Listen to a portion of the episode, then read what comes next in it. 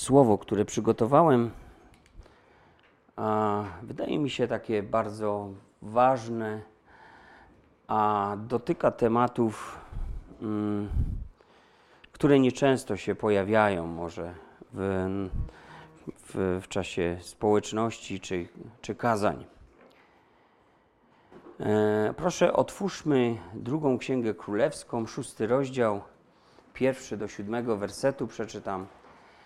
A ze względu na pewne niuanse i takie drobne różnice, aczkolwiek ważne, przeczytam to z przekładu Ewangelicznego Instytutu Biblii, a więc z innego przekładu, druga księga królewska, szósty rozdział, od pierwszego do siódmego wersetu.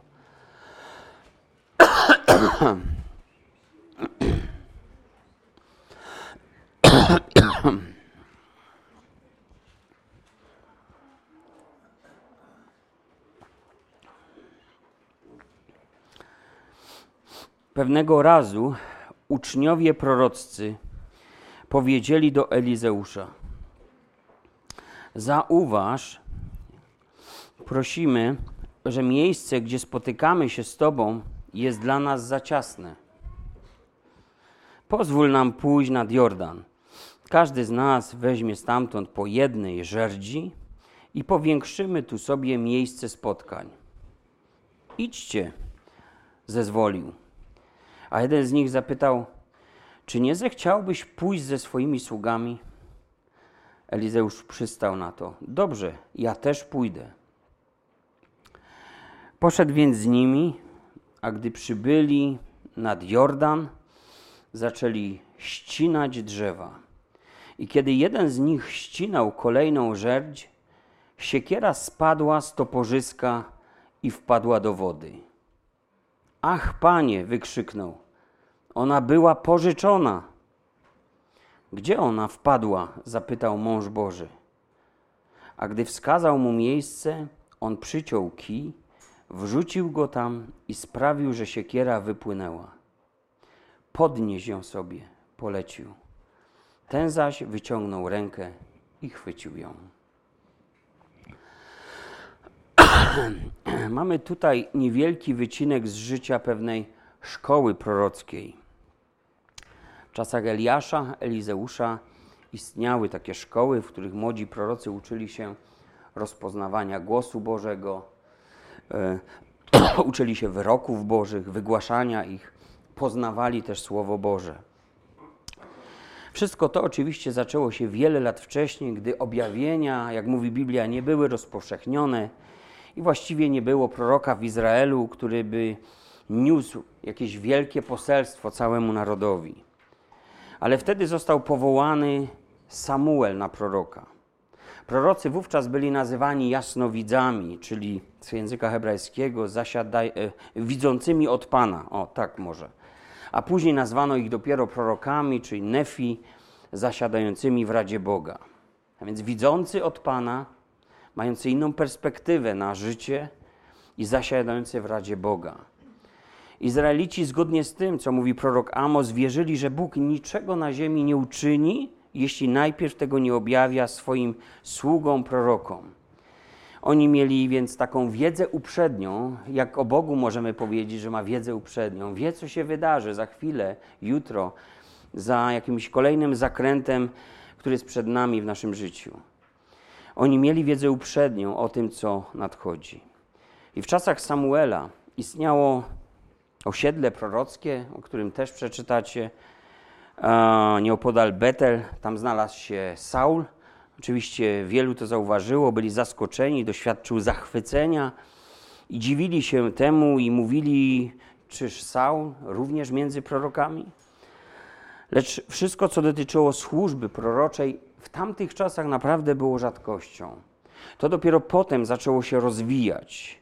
Bóg powoływał coraz więcej proroków i nawet w takich trudnych czasach, jak czasy Eliasza, Pan zachował sobie 7 tysięcy proroków, tych, którzy nie zgięli, czytamy, kolan przed bożkiem Balem. Aż do czasów Elizeusza. Elizeusz był następcą Eliasza. I wtedy znowu ta służba prorocza e, zaczęła rozkwitać, przybywało powołań, powstawały szkoły prorockie. I mamy tutaj właśnie jedną z takich szkół, gdzie tych adeptów, tych uczniów jest coraz więcej. Uczniowie proroccy byli tam z Elizeuszem. Widzimy, że nazywali go swoim panem. Oni uczyli się od niego, przyglądali się jego służbie, ale przyszedł taki czas, gdy było w tej szkole już tyle osób, że nie mogli się pomieścić i było im ciasno ze sobą. To taki może obrazek trochę bliski nam. Zaczęli więc myśleć o możliwościach dla poszerzenia tego miejsca, możliwościach dla dalszego rozwoju. No bo jeśli tu brakowałoby krzeseł, no i przyszedłby ktoś i nie miał gdzie siąść, to z jakimś prawdopodobieństwem mógłby sobie pomyśleć, no poszukam innego miejsca, gdzie, gdzie jest dla mnie miejsce. A więc chodziło o to, żeby nie stworzyć takiej sytuacji, żeby dać możliwość po prostu, żeby to miejsce się dalej rozwijało i żeby było tu miejsce dla nowych ludzi, których pośle Bóg. Oni mieli takie pragnienie, mieli pewien plan, jakąś strategię, jak i co ma i gdzie ma to być zrobione. A więc tak sobie pomyślałem odnośnie pragnienia i potrzeby rozwoju. Wierzę, że każdy z ludzi wierzących nosi w sobie jakieś duchowe pragnienie. Pragnienie w sercu jakiegoś rozwoju, poznania bardziej Boga, może pragnienie służby. Nikt nie chce przeżyć życia chrześcijańskiego w tak zwanym stanie wegetatywnym, prawda? Chcecie takiego życia? No pewnie, że nie chcecie. Biblia wyraźnie mówi, że my nie jesteśmy z tych, którzy się cofają i giną, ale raczej z tych, którzy zachowują życie. Jesteśmy powołani do tego, abyśmy szli do przodu. Jezus powiedział, i żebyśmy owoc wydawali, aby owoc ten był trwały. Abyśmy dojrzewali też wierze dla Pana. By tych naszych uczynków było więcej niż pierwszych, tych na początku. Pan pragnie, abyśmy się rozwijali także w swojej służbie, jaką możemy prowadzić dla Niego w, w różnych miejscach, po prostu będąc otwartymi i rozglądającymi się, gdzie mogę, gdzie mogę przyczynić się do jakiegoś rozwoju. Naszemu życiu powinno towarzyszyć też osobiste pragnienie, żeby poznać Pana, żeby Go doświadczać, żeby nie tylko znać opowieści o Bogu, żeby nie być tylko smakoszem najlepszych kazań, ale by mieć swoje własne doświadczenia z Bogiem, które gdzieś układają się w jakieś, w jakieś moje przekonanie odnośnie tego, kim On jest dla mojego życia. I żebym też miał co przekazać następnemu pokoleniu, moim dzieciom. By to nie były opowieści tysiąca jednej nocy, by tak nie było odbierane, ale by to było odebrane właśnie jako osobiste doświadczenie, które brzmi pod tytułem Spotkałem Pana, opowiem Ci o tym. Czy macie takie doświadczenia? Pierwszą rzeczą, jaką uczniowie uczynili, to przyszli do Elizeusza, czyli do swego Pana i opowiedzieli mu o tej potrzebie. Opowiedzieli mu o swoich zamiarach. Powiedzieli mu o wszystkich planach, o tym, co chcą zrobić, jak to chcą zrobić, gdzie chcą pójść, jak ten cel chcą osiągnąć, wykonać. I tutaj jest taka wspaniała lekcja dla nas, bo czy kiedy my mamy pragnienia, pomyślmy, mamy zamiary, mamy pomysły, mamy jakąś wizję tego, jak chcielibyśmy coś rozwijać, na co może mamy wpływ, czy idziemy najpierw z tym do naszego Pana? Czy pytamy się Pana, mam tu na myśli Boga, czy mówimy Mu, Panie, właśnie mam takie myśli, mam takie kolejne plany w swoim życiu. Co Ty na to powiesz? Co Ty o tym sądzisz? Jak Ty chciałbyś mi poradzić, doradzić? Uczniowie proroccy spotkali się więc z Nim w tej sprawie. On, Elizeusz, reprezentował dla nich tam na tym miejscu Pana, tego w górze. I oni mogli przecież powiedzieć sobie, Chcemy dobrą rzecz, nie chcemy niczego złego, mamy jakieś możliwości, jest tu nas dość sporo, poradzimy sobie z tym, co zamierzamy, więc mogli pomyśleć sobie, a po co z kimkolwiek rozmawiać, a po co jakoś te plany układać, a po co opóźniać wszystko? Wiecie, Polacy są znani z takiego spontanicznego działania, ale spontaniczne działanie bywa tak, że wprowadza mnóstwo, mnóstwo bałaganu, nieporządku. Z takim nieporządkiem też mieliśmy do czynienia w ostatnich trzech tygodniach, patrząc globalnie tu na kraj, kiedy okazywało się, że są produkty, które są naprawdę deficytowe i są potrzebne gdzieś ludziom, którzy ledwie dotarli do granicy, podczas gdy w zborach mogą ciuchy leżeć do samego sufitu.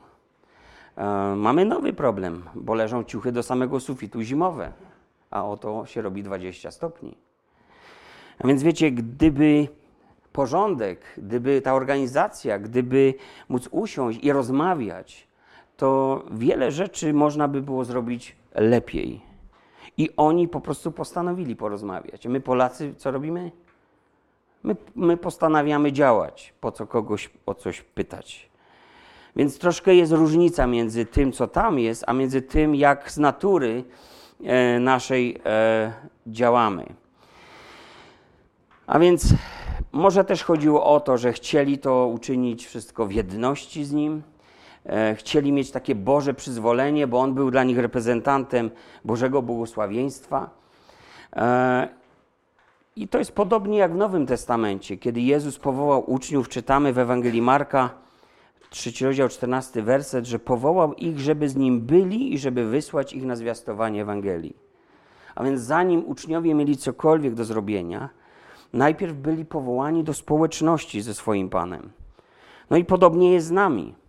Jesteśmy powołani w pierwszej kolejności, by mieć więź, społeczność, czyli tą wyjątkową relację z Jezusem. Jezus mówi o jarzmie, aby chodzić w Jego jarzmie, aby się uczyć od Niego. E, cichości i pokornego serca. On jest tym naszym Panem, my Jego sługami, a skoro wiemy, kto On i kto my, to takie spotkanie i taka więź jest niezwykle ważna dla naszego życia, dla wszystkich spraw w naszym życiu, dla naszej służby. I nawet te małe rzeczy, zobacz, możesz powierzać Panu. Tak jak modlitwa pańska mówi, chleba naszego powszedniego daj nam dzisiaj. Więc te codzienne sprawy, te takie na dzisiaj, możesz z Panem swoim konsultować, możesz je przedstawiać Panu. A więc zobaczcie, oni przyszli do niego, opowiedzieli mu o tym, co mieli w sercu i jaki problem ich trapił. I Elizeusz udzielił im błogosławieństwa. Powiedział swoim uczniom krótko, tam nie było wiele rozmów i debat. Idźcie. Ale my widzimy, że im to nie wystarczało, a szczególnie jednemu. Uczniowie prorocy nie tylko uznali za ważne spotkać się z Panem, ale zależało im też na tym, żeby On im towarzyszył, żeby On w tym był. Kiedy my spotykamy się z Panem i zabiegamy o Boże błogosławieństwo, nie wiem, dla siebie, dla swojego życia, dla rodziny, dla zboru, kościoła, wspólnoty, dla służby, czy prosimy Pana, żeby w tym, co będziemy robili, żeby On uczestniczył? Kiedy Mojżesz prowadził lud, druga Mojżeszowa 33, rozdział 15 werset, on powiedział, Panie, jeśli oblicze Twoje nie pójdzie z nami, to nie każ nam stąd wyruszać. Czy my podobnie myślimy o konieczności obecności Pana w tym, co planujemy w życiu? Że nasze życie wydaje się nam życiem świeckim, tak? Nasze życie wydaje nam się takie podzielone na sakrum, czyli to, co teraz się dzieje w tej chwili, i takie, e, e, wiecie, takie świeckie pozostała część. Ale to nie jest tak. To nie jest tak, że jeden kawałek tortu, ten niedzielny, jest taki uświęcony, a wszystkie inne kawałki tortu są po prostu takie, takie pozbawione tego Boga. No wiecie, proza życia, życie zawodowe, różni ludzie. To nie jest w ten sposób. Bardziej musimy sobie wyobrażać nasze życie jako tort, który jest przepełniony pewnym rodzajem szczególnego smaku i jakikolwiek kawałek nie weźmiesz z tego tortu, wyczujesz ten smak. Wyczujesz, że to tam jest, że jest to Boże prowadzenie, jest ta Boża obecność w Twoim życiu. Pójdźmy dalej. Czy mamy właśnie takie myśli o konieczności obecności Pana? Czy powiadam, po, podobnie powiadamy za Mojżeszem, nie każ, nie każ mi na przykład głosić, Panie, jeżeli Ty nie będziesz moimi ustami, albo nie każ mi prowadzić służby jakiejś, jeśli Ty nie będziesz jej prowadził. E, albo nie posyłał mnie na ulicę do ewangelizacji, jeśli Ty nie będziesz ludziom posługiwał e, tą Ewangelią ze mną. Albo nie każ mi zajmować się tą sprawą czy inną sprawą, jeśli Ty nie będziesz zajmował się tą sprawą, nie pójdziesz przede mną. Wiecie, tu chodzi o przygotowanie serc. My robimy swoje, ale tylko Pan może dotknąć się serc. I zbyt często myślę, że ludzie w kościele dbają, aby się po prostu coś działo, abyśmy byli czymś zajęci. E, to jest taka satysfakcja w tym, że się coś dzieje i jesteśmy zajęci. Ale mniej dbamy o to, aby się upewnić, czy to, co robimy, narodziło się przed Panem. Czy mamy taką akceptację e, od Pana? Czy to się narodziło z Boga? Po cóż mielibyśmy być tam, gdzie nie ma Pana? Po cóż mielibyśmy zajmować się sprawami, w których nie ma Pana? Czemu mielibyśmy sądzić, że wystarczy no, zmówić pacierz w jakiejś intencji i gremialnie zakończymy to słowem Amen? I w tym momencie niebo nie, miało, nie będzie miało wyjścia, aby zgodzić się i, i swoje jakby, swoje imprimatur dać dla tej sprawy.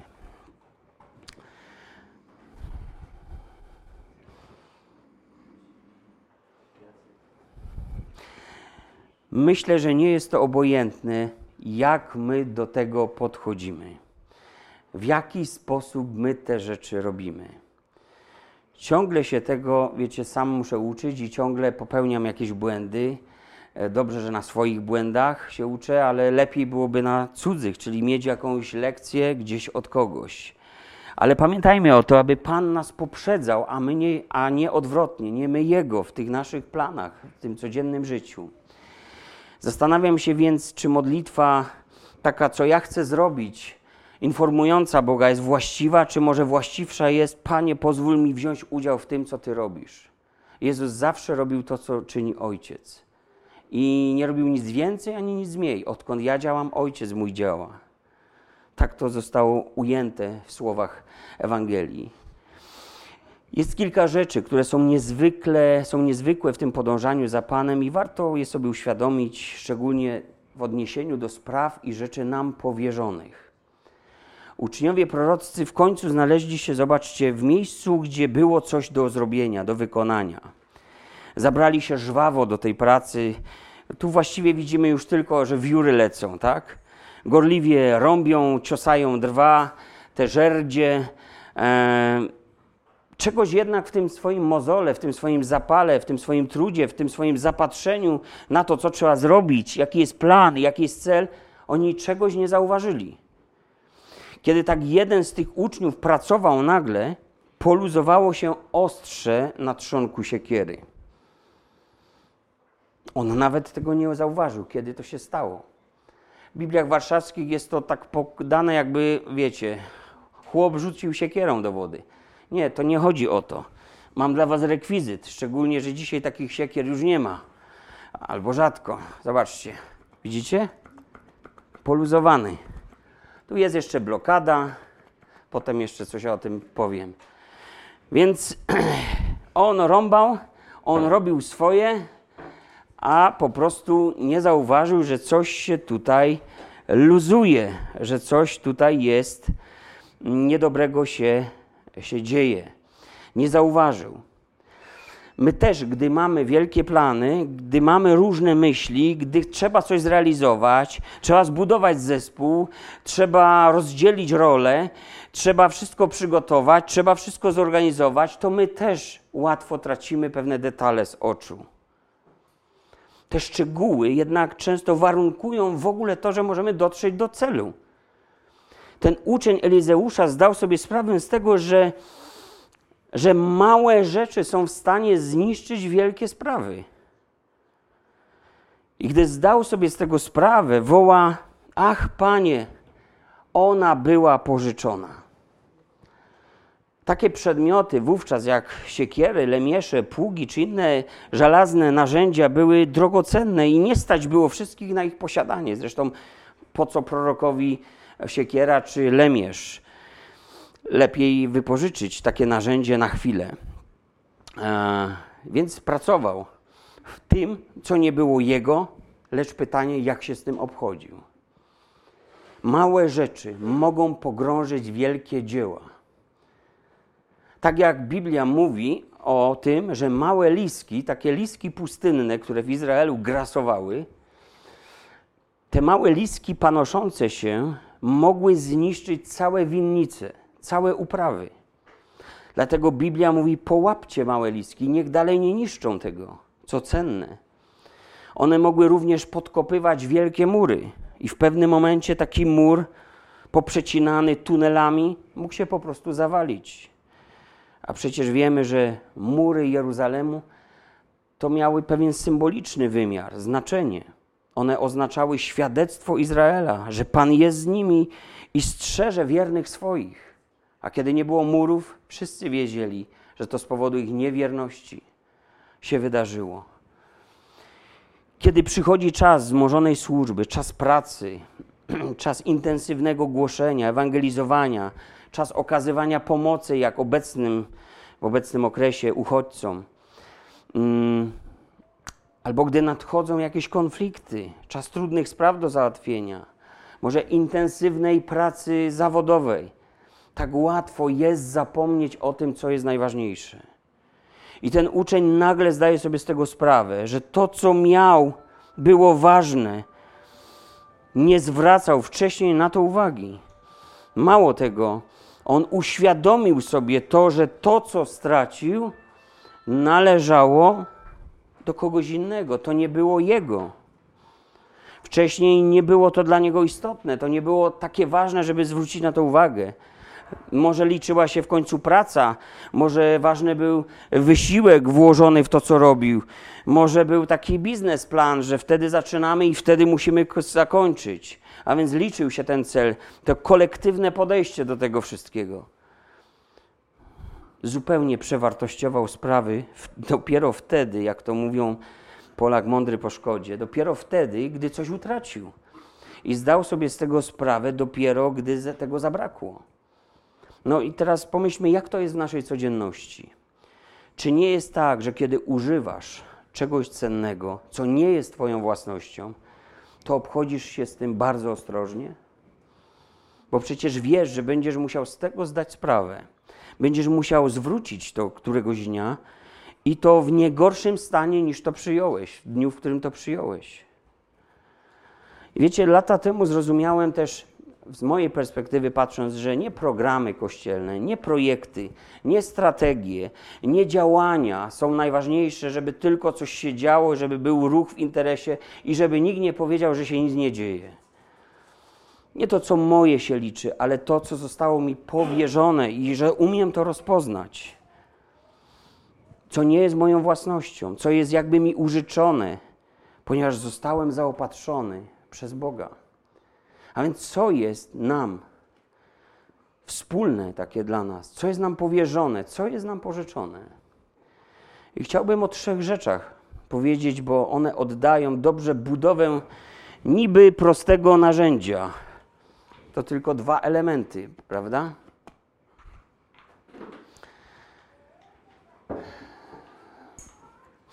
By można było skorzystać z tego, trzonek musi naprawdę ciasno przylegać, to znaczy bardzo ściśle przylegać do ostrza, tworząc jakby jednolitą całość.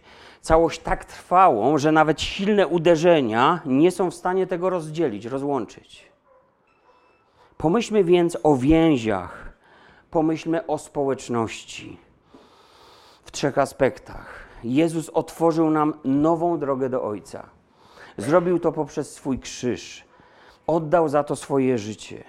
I mamy pielęgnować to, dbać o to, rozwijać tą wyjątkową społeczność z Bogiem. Bóg po tysiącach lat znalazł sposób, jak przywrócić komunikację z człowiekiem. Jak może przechadzać się pośród nas grzeszników, e, tak jak przechadzał się wśród drzew ogrodu, gdzie byli Adam i Ewa. Masz o to dbać, pielęgnować, pilnuj czytania, pilnuj społeczności. Powierzona nam jest również rodzina. No, powiecie, sami sobie wybraliśmy. Oto ona, oto on. To nie do końca tak jest. Zobaczcie, że to Bóg przyprowadził żonę do Adama, tak jest napisane. I do dzisiaj, szczególnie w krajach anglosaskich, ta myśl, że Bóg przyprowadza tą Ewę do tego Adama, jest kontynuowana przez to, że to ojciec przyprowadza pannę młodą przed ołtarz. To się stąd wzięło. Często już zatracone, szczególnie w takich krajach, gdzie komunizm nas dotknął, zaświadczył i utraciliśmy jakby te małe nitki powiązania między pewnymi rzeczami, które kiedyś były takie całkiem normalne. A więc to Bóg przyprowadził ją. Ona mi jest dana od Pana, bracie. Można też pomyśleć odwrotnie o tym. Powierzona, powierzony, a z nią, z nim owoc naszej wspólnoty, dzieci, które są darem Pana, jak mówi o tym Biblia. A więc również rodzina potrzebuje pielęgnacji, dbania o to, o tą więź, o tą społeczność. Po trzecie, powierzony nam jest również Kościół. On jest Jego własnością. Jezus powiedział: Ja zbuduję Kościół mój. A z czego go zbudował? Z żywych kamieni. A tymi kamieniami my jesteśmy. A więc w tej budowli mamy pewną rolę. Mamy na siebie oddziaływać.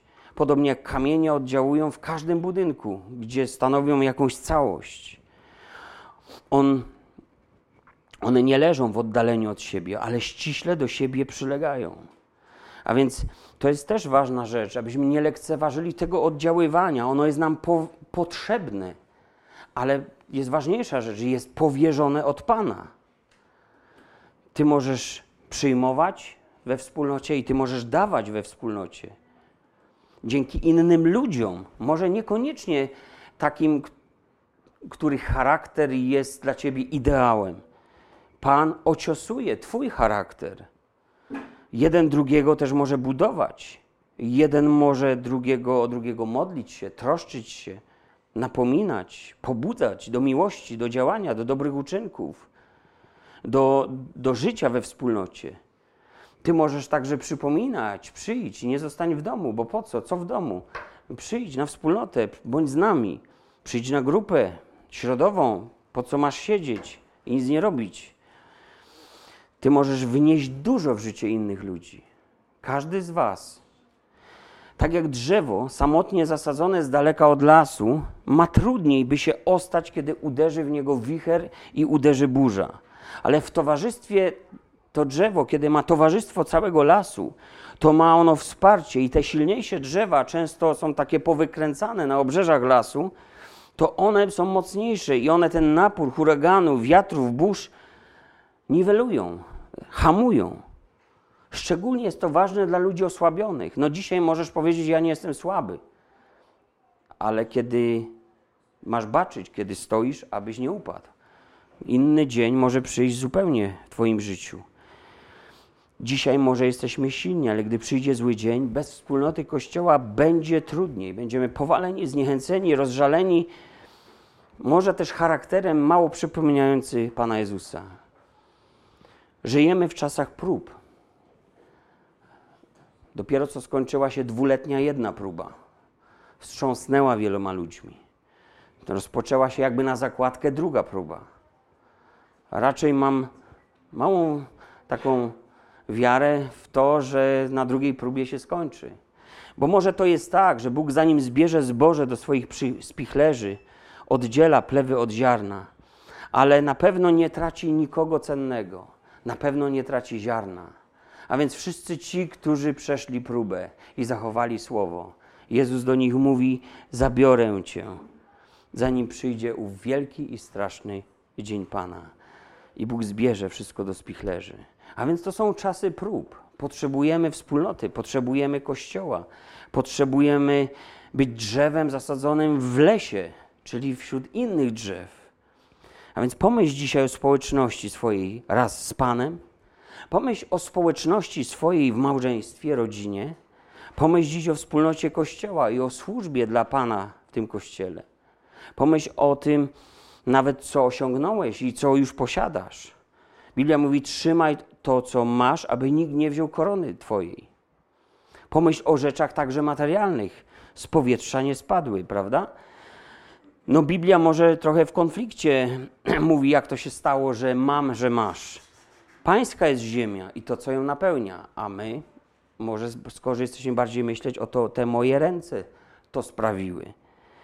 Mieszkanie, dom, auto, pieniądze wszystko zostało nam powierzone.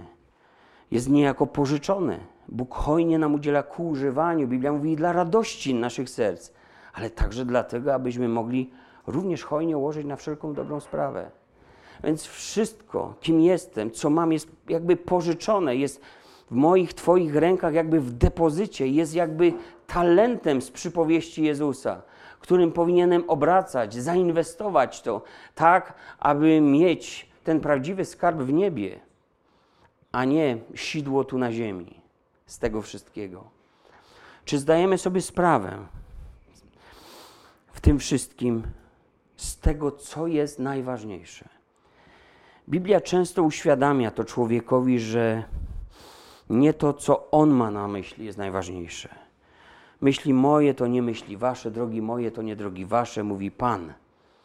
Apostoł Paweł, pisząc o współsługach swoich, stwierdza, że każdy wykonał tyle, ile mu dał Pan. I wiecie, jakiś czas temu dotarło też do mnie kilka świadectw. Różni ludzie, których, których znam, czynnie służący w kościołach, no, przeszli poważne problemy. Także te małżeńskie, także te związane z zerwaną społecznością z Bogiem Także te związane z tym, że przestali w ogóle pojawiać się w życiu wspólnoty. Niektórzy z nich za późno zdali sobie sprawę z tego, że relacje, społeczność, więzi są bardzo ważne, są ważniejsze nawet od osobistego zaopatrzenia. Jesteśmy świadomi także świadectw dotyczących no, różnych problemów w kościele. I niegdyś ludzie mieli, drodzy, ze sobą naprawdę wiele więzi. Jak tak patrzę 20, 30 lat wstecz, nie wiem, czy, czy kto wiarą sięga do takiego okresu, ale ludzie naprawdę mieli dużo więcej czasu, aby kultywować więzi, aby pielęgnować te więzi.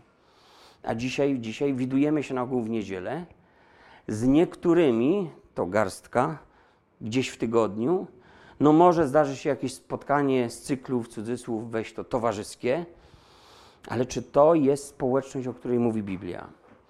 Czy, czy może gdyby porównać ten stan do ostrza i trzonka, to już, już wiecie, co może będzie dalej, a tym przecież się pracuje.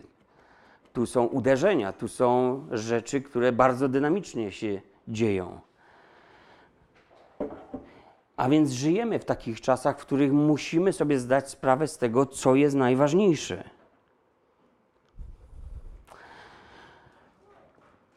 Najważniejsze jest zadbać, aby trzonek ściśle przylegał do ostrza. To było równie ważne, jak zrealizować zamiar szkoły prorockiej.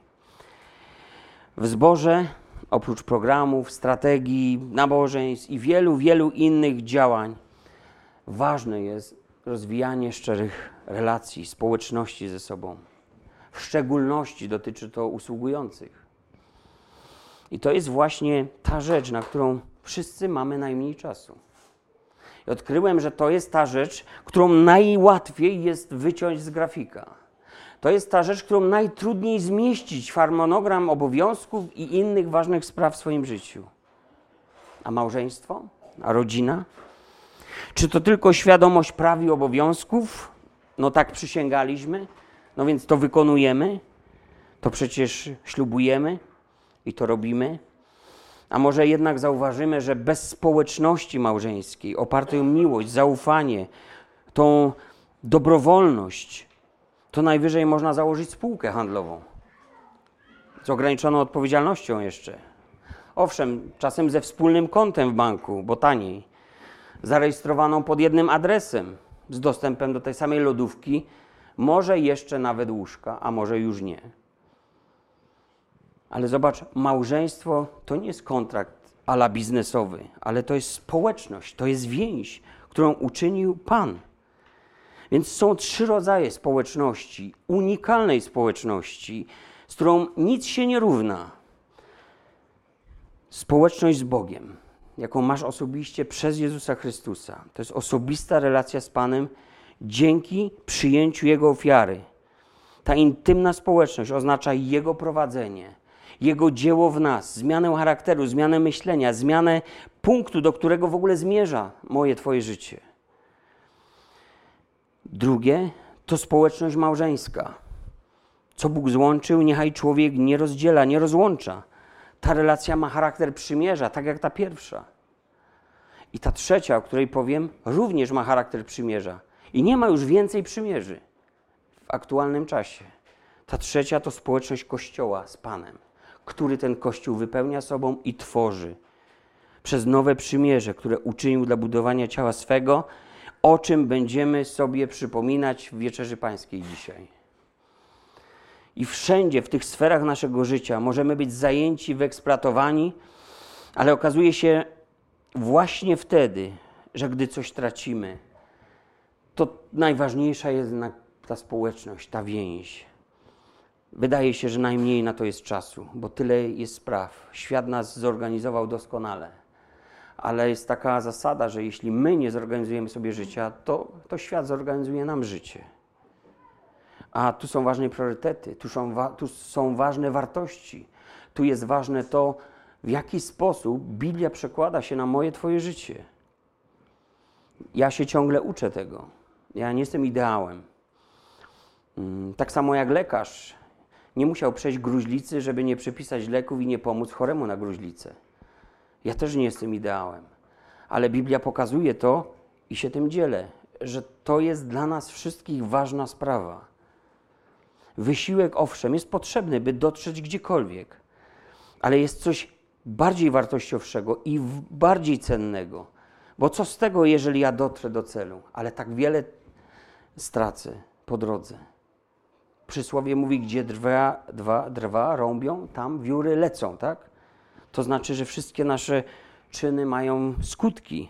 Ale zobacz, to dotyczy także naszych zaniechań. One też mają skutki. Jeśli odsuwamy się od społeczności, od jednej z tych społeczności, to tak jakby poluzował się trzonek na ostrzu swojej siekiery. Co z tego, że jesteś w domu i jesteś w rodzinie i mówisz, że masz społeczność? Czasem ludzie mają społeczność bardziej z telewizorem niż ze swoją żoną. Czasem jest też tak, że przychodzą konflikty, konflikty duchowe. No nie układa się z Bogiem. Nie czytasz Biblii, nie modlisz się. Tłumaczysz sobie jakoś to, że nie czujesz tego, że może potem do tego wrócisz, że potrzebujesz dystansu, że na razie on wydaje się daleko. No, prawda jest inna, odwrotna. Jest coś we mnie, w tobie, co oddziela mnie od niego. Niekoniecznie to musi być grzech. List do Hebrajczyków mówi: Złożywszy z siebie wszelki ciężar i grzech, biegnijcie wytrwale w wyścigu. Czasem na społeczność z nim ma wpływ jakiś ból, któremu nie pozwalam odejść jakaś troska, którą miele ciągle w kółko na nowo. Czasem jest to poczucie krzywdy w stosunku do kogoś, komu nie potrafię wybaczyć. Czasem samotność. Z tą samotnością to jest ciekawa historia. Na początku sprzymierzeniec, szanujący Twoją prywatność przyjaciel, powiernik Twych myśli, lecz z biegiem czasu największy wróg. Ten, który mnie więzi, ten, który mnie oddziela, ten, który mi nie pozwala nawiązać jakichś zdrowych relacji. Wtedy najłatwiej dodać do tego jeszcze osąd, że przecież ja sobie sam tego nie uczyniłem. Ja tego nie wybrałem, życia samotnika. To na pewno on, to na pewno ona. To oni są winni. To oni odsunęli mnie od siebie. Słuchajcie, naprawdę to są wielkie, wielkie tragedie, które rozgrywają się w sercach ludzi. Czasem błędne koło się zamyka. Czasem my popełniamy takie błędy i nie zauważamy takich osób, które mają trudności w społeczności z Panem. Nie wychodzimy do tych osób.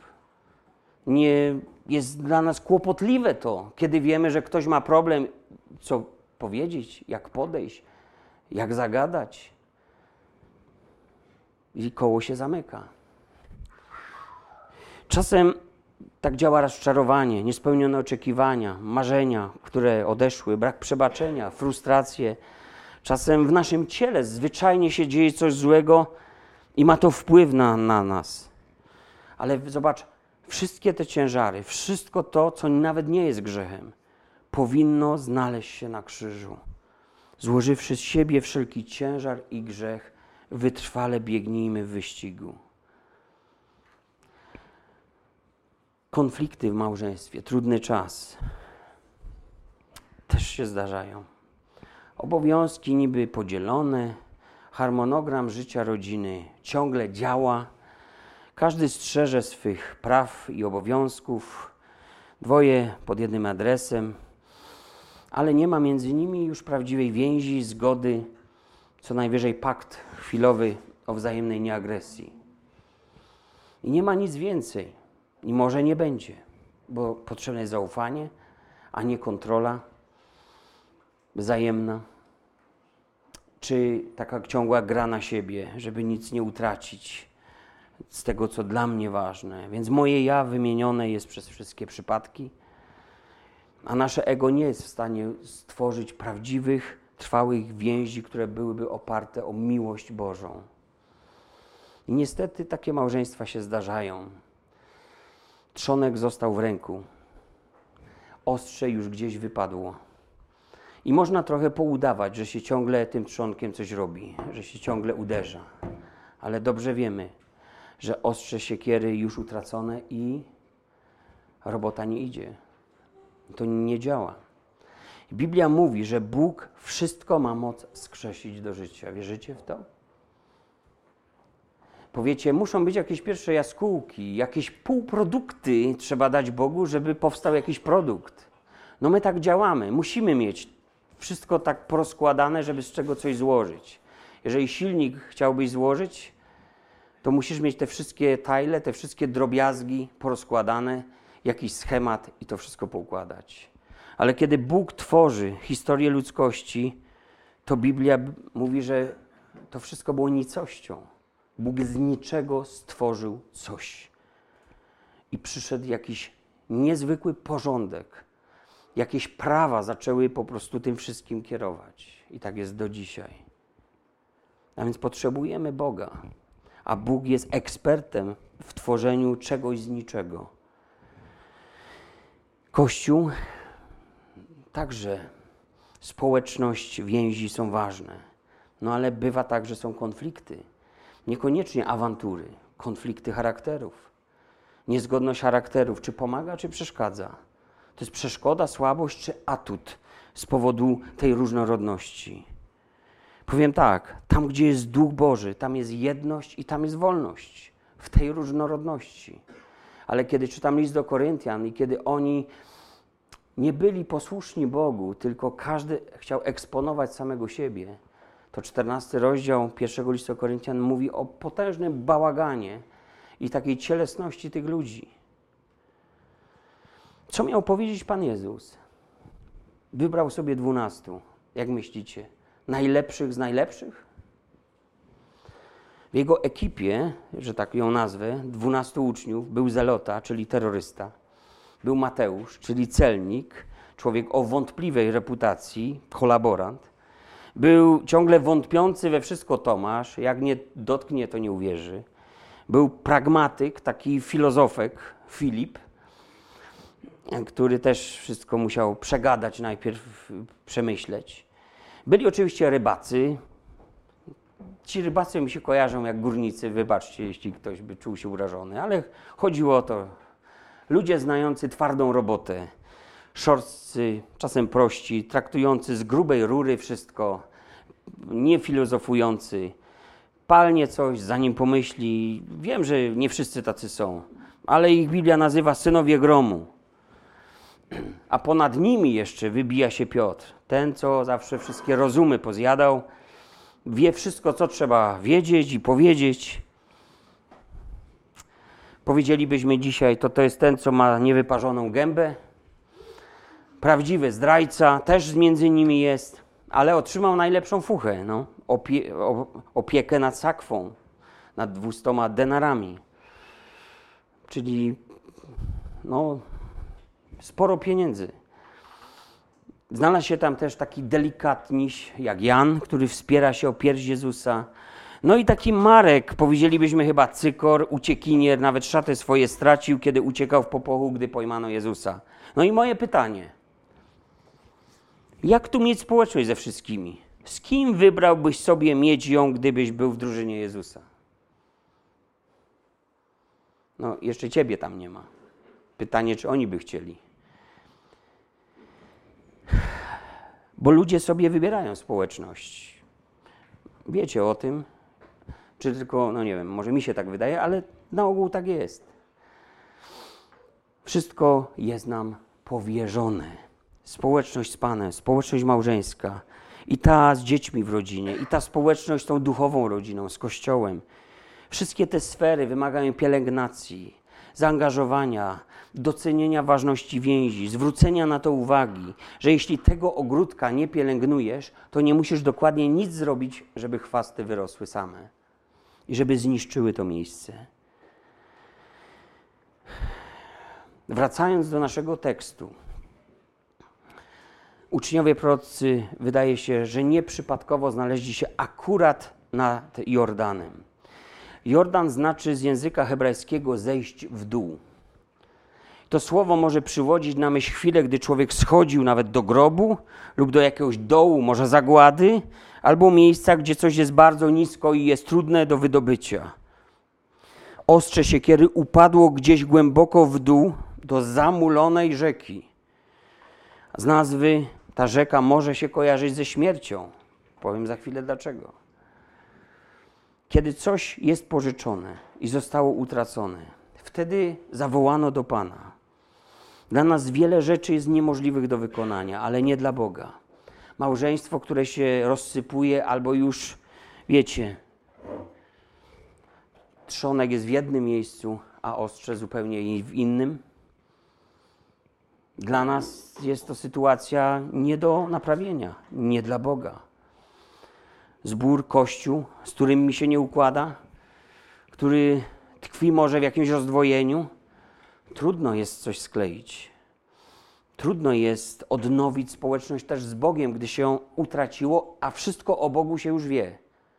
Te rzeczy w taki sposób nie mają wpływu jak za pierwszym razem, by mnie mogły przyprowadzić. To jest tylko sucha wiedza prorok Elizeusz wskazuje nam tutaj na to Boże działanie, te Boże możliwości, a nie te nasze. Jezus powiedział: Ciało nic nie pomaga, ale duch ożywia. Jeszcze do tego wrócę. Elizeusz pyta więc tego ucznia, który był przerażony tym, że stracił to ostrze, pyta, gdzie upadła? Gdzie to ostrze upadło? On wraca do miejsca upadku, do miejsca upadku on idzie do tego początku, do tej chwili, kiedy ostrze wysunęło się bezpowrotnie z trzonka. To tam każdy z nas musi spojrzeć. Gdzie to się stało? Tam muszę wrócić do tego samego miejsca. No, trzeba by zapytać po co. My unikamy tego, by grzebać się w przeszłości, by, by wstecz dokopywać się do czegoś. Ale często jest tak, że tam, gdzie jest początek problemu, tam dopiero jesteśmy w stanie załatwić ten problem tak by nigdy nie wrócił do nas. Bo grzech ma, jest trochę jak bumerang. Wyrzucisz, ale wróci i uderzy cię w plecy. Jeśli chodzi o grzech, problemów może być więcej, które nie mają natury grzechu. My byśmy czasem chcieli po prostu zapomnieć. Czasem po swojemu dalej coś robić, uderzać tym może trzonkiem bez ostrza, ale to nie ma sensu. Będzie wysiłek, może satysfakcja z wysiłku, większego wysiłku, ale brak efektów.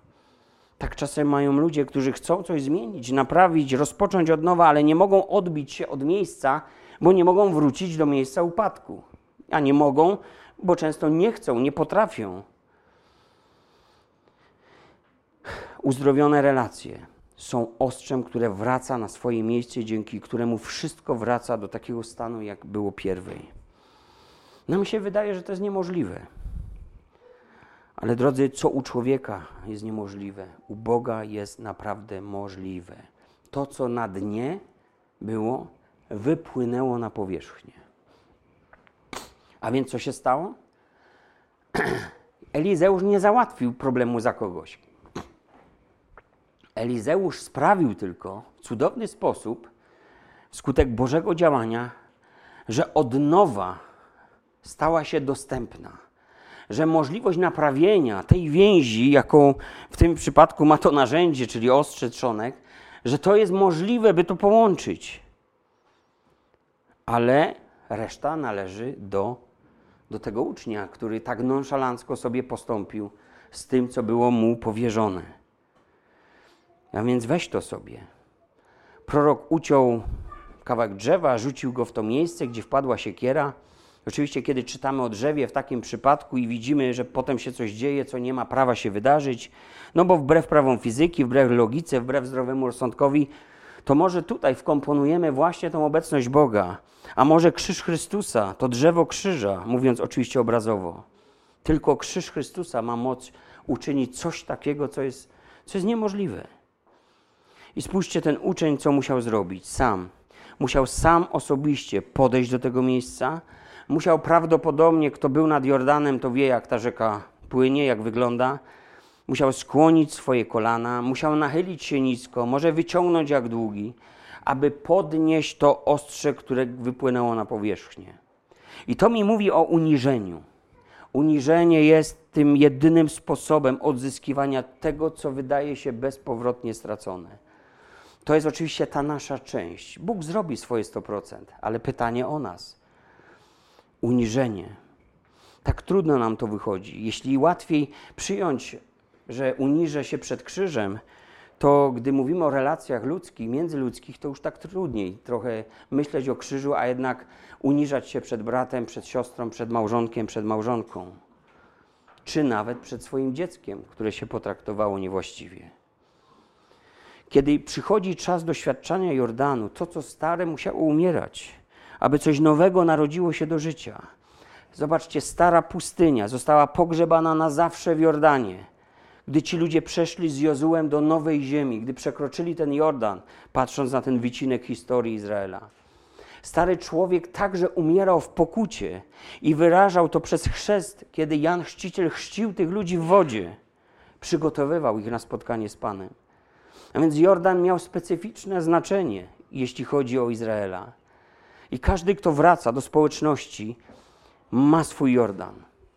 Wcześniej czy później. Pytanie jednak brzmi, czy potrafimy uniżyć się, kiedy trzeba odzyskać coś utraconego, co ma taką wartość, taką wagę. Uniżenie zaprasza na powrót też Ducha Świętego, któremu nasza wola odebrała możliwość prowadzenia kierownictwa, wpływu. I kiedyś, zobaczcie, pewnie może widzieliście to sami, dzisiaj inne siekiery w sklepach można kupić, to wszystko jest gotowe, jakby z taśmy wyszło, e, zlane w jedną całość. Ale może kiedyś ktoś widział, ja jako dziecko zobaczyłem, że mój dziadek pracował czymś takim i rzeczywiście wypadł, wypadło to ostrze. wiecie, co on zrobił? Nabił tu klin, nie ruszało się. Oczywiście można było dokończyć jakąś pracę, ale zrobił coś jeszcze, na co zwróciłem uwagę. Nalał do garnka jakoś wody i włożył ją na całą noc. Ja się zastanawiam, po co? Przecież to już nie chodziło, to już było ok. Ale wiecie, woda zaczęła rozpracowywać e, to ostrze i ten trzonek w taki sposób, że ten trzonek napęczniał. I po prostu to wszystko stało się ściś, ścisłe, ciasne, przylegające bardzo do siebie, że niemożliwe było już, żeby to tak po prostu sobie gdzieś już odleciało, odpadło. To mi mówi, ten zwykły obraz, taka, taki prozaiczny obrazek z życia, znowu mi mówi o Bożym Duchu i o Słowie Bożym. Że żadna relacja nie wróci i nie staje się trwała, kiedy nie dotknie tego Boży Duch i Boże Słowo. Wtedy to jest niemożliwe. Można się dogadywać, można układać, można pakty e, organizować, można się dogadywać, konsensus wypracowywać. To wszystko nie będzie trwałe to będzie działało. Ale będzie okupione bardzo wielkim wysiłkiem i często bywa tak, że ludzie nie mają sił na to, by, by wytrwać w tym. Czasem więc jest tak, że potrzebujemy tej pomocy na pewno od Boga, ale czasem może od kogoś jeszcze, bo nie potrafimy sami swoich problemów rozwiązać. Ale czy potrafimy pomoc przyjmować? To jest pytanie. W tym tygodniu odszedł doktor Zembala, tak? Postać niezwykła. Ktoś, kto transplantował serca razem z doktorem Religą. Całe życie pomagał innym, ale w końcu jego życia no, nie był w najlepszym stanie zdrowia, mówiąc tak bardzo ogólnie, bo nie chcę wnikać w szczegóły. I był zmuszony co dnia przyjmować pomoc. Lecz życie, w którym to nie ty pomagasz, a tak ci się wydawało całe życie, ale potrzebujesz teraz przyjmować pomoc, okazało się dla niego zbyt trudne. I wiecie, jak zakończył swoje życie. A więc mała myśl, krótka myśl. Nie bądźmy zbyt dumni, nie bądź zbyt dumny, aby pozwolić sobie pomóc. Nie bądź zbyt dumna, aby wracać do utraconych relacji, które zostały ci przez Boga dane, powierzone, pożyczone. Bóg z tego wszystkiego nas będzie rozliczał. Kończy się ta historia. Jest jakby bez puenty po prostu podnieść sobie, polecił, ten zaś wyciągnął rękę i chwycił ją. Nawet nie wiemy, czy tą robotę skończyli. Ale jest ta historia nam dana, abyśmy po prostu zauważyli. Zauważyli rzeczy, które tak łatwo można tracić. Rzeczy, które tak łatwo wyciąć ze swojego grafika życia. I żebyśmy przejęli się tym. Nie wtedy, kiedy nam tych rzeczy braknie jak z tym przysłowiem o zdrowiu. Zdrowie, ile cię cenić trzeba, ten tylko się dowie, kto cię utracił. Przejmijmy się tym. Choć mógłbym jeszcze trochę coś powiedzieć, ale tak czuję, że to jest moment, w którym lepiej jest zakończyć. Niech Bóg Was błogosławi w tym słowie i niech da nam taką łaskę i taką umiejętność, by nigdy nigdy nic się nie luzowało, a jeżeli coś się luzuje, byśmy na tym etapie już to mogli naprawiać. A nie daj Boże, kiedy by jedno odpadło od drugiego, to daj Boże, żeby cud nastąpił i żeby to wszystko razem ze sobą znowu działało. Niech Bóg błogosławi swoje, swoje słowo. Amen.